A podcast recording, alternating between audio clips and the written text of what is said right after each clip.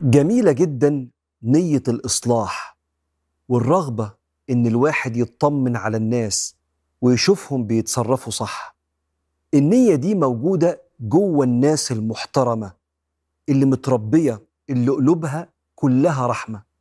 يفرح لو شاف الناس بخير ويغضب ويصطدم ويوعظ لو شاف حد بيتصرف غلط. الناس دي وجودها في وسطنا حماية الأخلاق وقيم كتير. لكن الإشكالية إن هو كمان بيزعل كتير لأنه مش قادر يتصالح مع طبيعة البشر. اللي بيغلطوا ما توفر لهمش نفس التعليم اللي اتعلموا ونفس القيم اللي اتربى عليها وعايشين بيحاولوا وربهم صابر عليهم.